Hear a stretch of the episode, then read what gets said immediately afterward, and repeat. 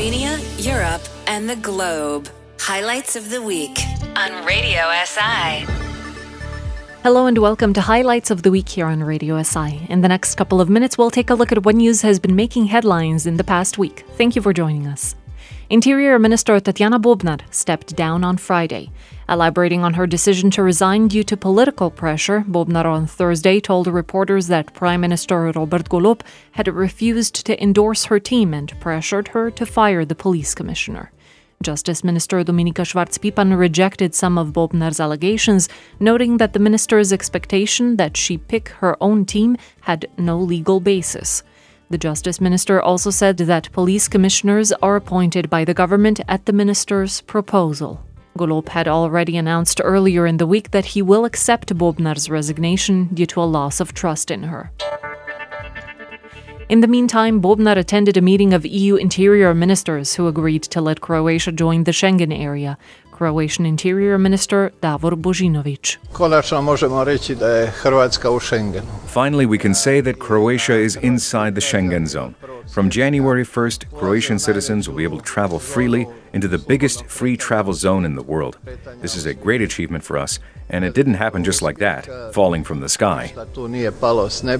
However, Bulgaria and Romania were told that they must wait longer to be allowed in. This comes after Austria and the Netherlands repeated their concerns about their admission. Austrian Chancellor Karl Nehammer. That is indeed a security challenge, and that is the reason why Austria has a different view on the Schengen area's expansion. Croatia, yes, Romania and Bulgaria, currently not. This is not a political discussion, but a security discussion. A unanimous endorsement is required to admit new members into Schengen. The government and healthcare trade unions signed an agreement this week. It raises salaries by between one and four brackets and addresses pay disparities.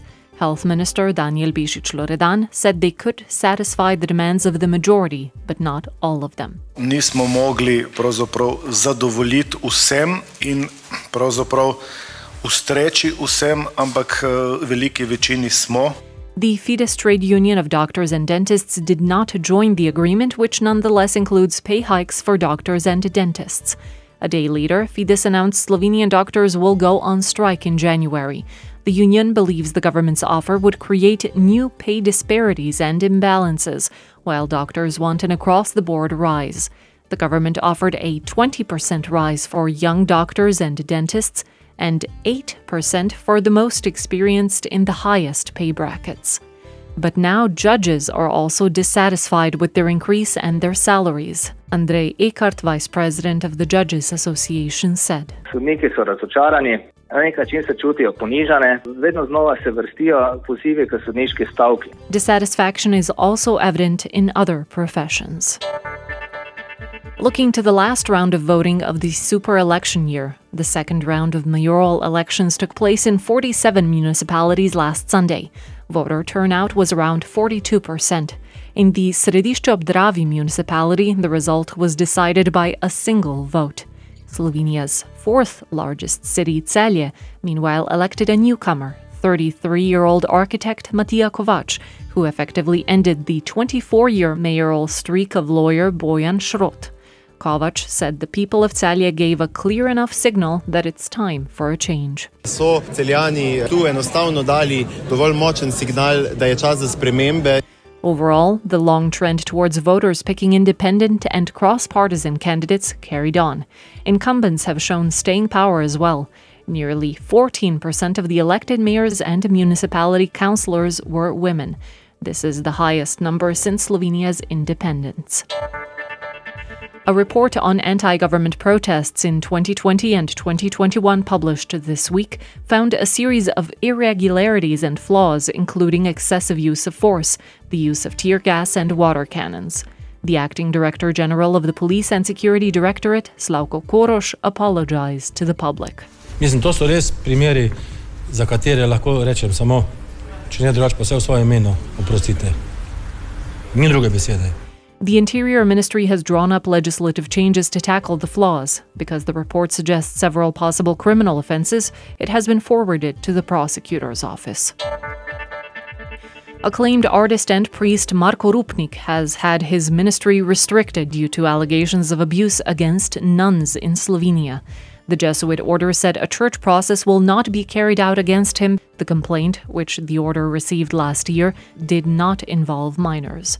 Rupnik is best known in Slovenia for his mosaic artworks in the Vatican, for which he received the Prešeren Prize in 2000. After the devastating fire in the Karst region this summer, the government this week approved a plan to purchase four small firefighting aircraft in a public procurement worth around 21.5 million euro.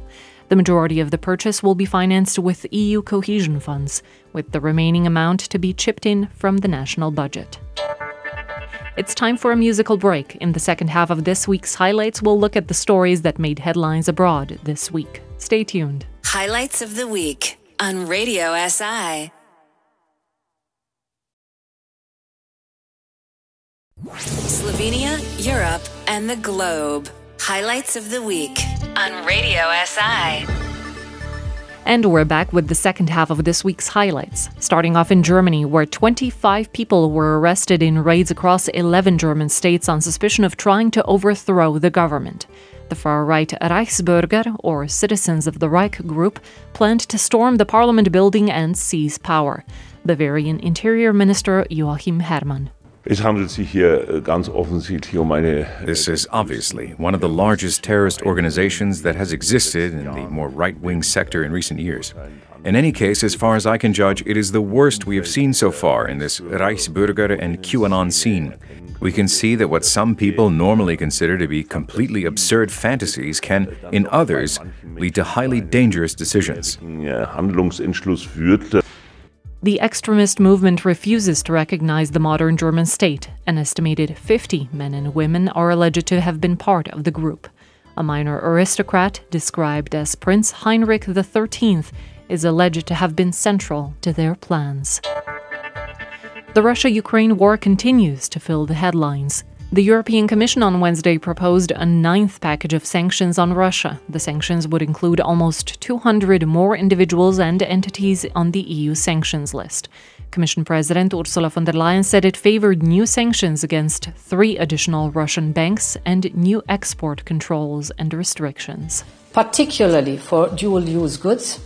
This includes, for example, key chemicals or nerve agents, electronics, IT components all what could be used by the Russian war machine. The proposal still needs to be unanimously backed by all of the bloc's 27 member states.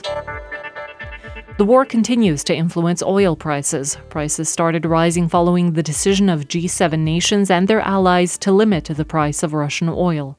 The decision, which came into effect on Monday, comes on top of the EU's embargo on imports of Russian crude oil by sea and similar pledges by the US, Canada, Japan, and Britain. It has, however, sparked concerns of global oil supply disruptions in the coming months. Also contributing to the price rise is the decision by the OPEC major oil producing countries to cut the amount of oil that they produce. And last but not least, we circle back to Slovenia.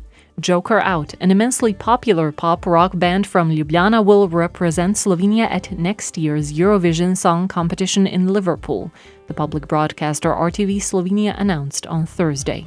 The band's singer, Bojan Cvjetićanin. Mi smo se letos odločili, da bomo šli na emo in uh, potem, ko smo začeli pripravljati pesem, smo dobili povabilo, da gremo v Liverpool. Ne? Tako da je bilo edino logično, edini logičen odgovor na vprašanje, da gremo. Ne? The band will sing a song for which they already have the music but not the lyrics in Slovenian. It will premiere on February 4th next year. This does it for this week's edition of Highlights of the Week. Thank you for joining us. The most important news from Slovenia, Europe, and around the globe. Highlights of the Week. Saturdays at 225 on Radio SI.